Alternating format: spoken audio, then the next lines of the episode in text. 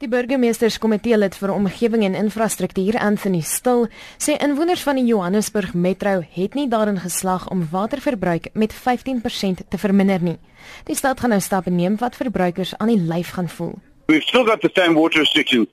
Don't uh, use your sprinkler and irrigation system. That's the most important. And don't, and only handheld hose pipes. But what we have to do is we have to choke back the pressure systems.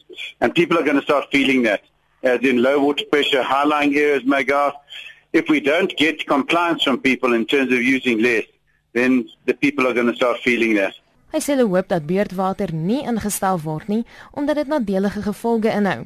Waterdruk gaan egter verlaag word wat kan beteken dat sekere huishoudings sonder water kan sit. Water takes a while to recharge, but for example, Rudaport on the weekend was out of water for some of the time from about 10 o'clock till 3 o'clock in the afternoon. Because they're on a direct feed, there's not a lot of reservoirs and water towers to balance their water supply out.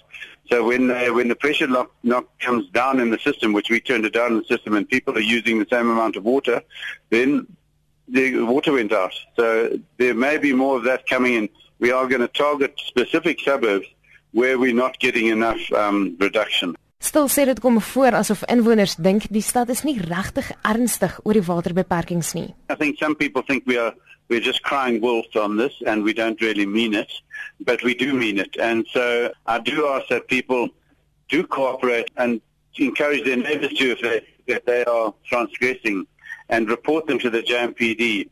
Um, in our press release, we've given the 24-7 line.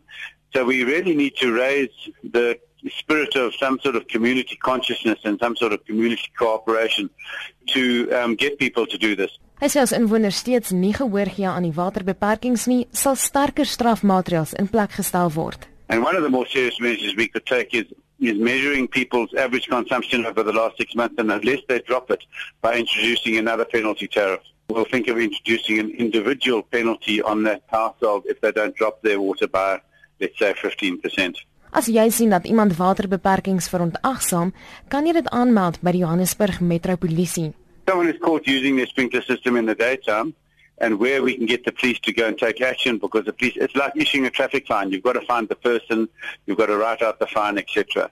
Then they are getting a bylaw transgression offence of a thousand rand and they issued with a fine.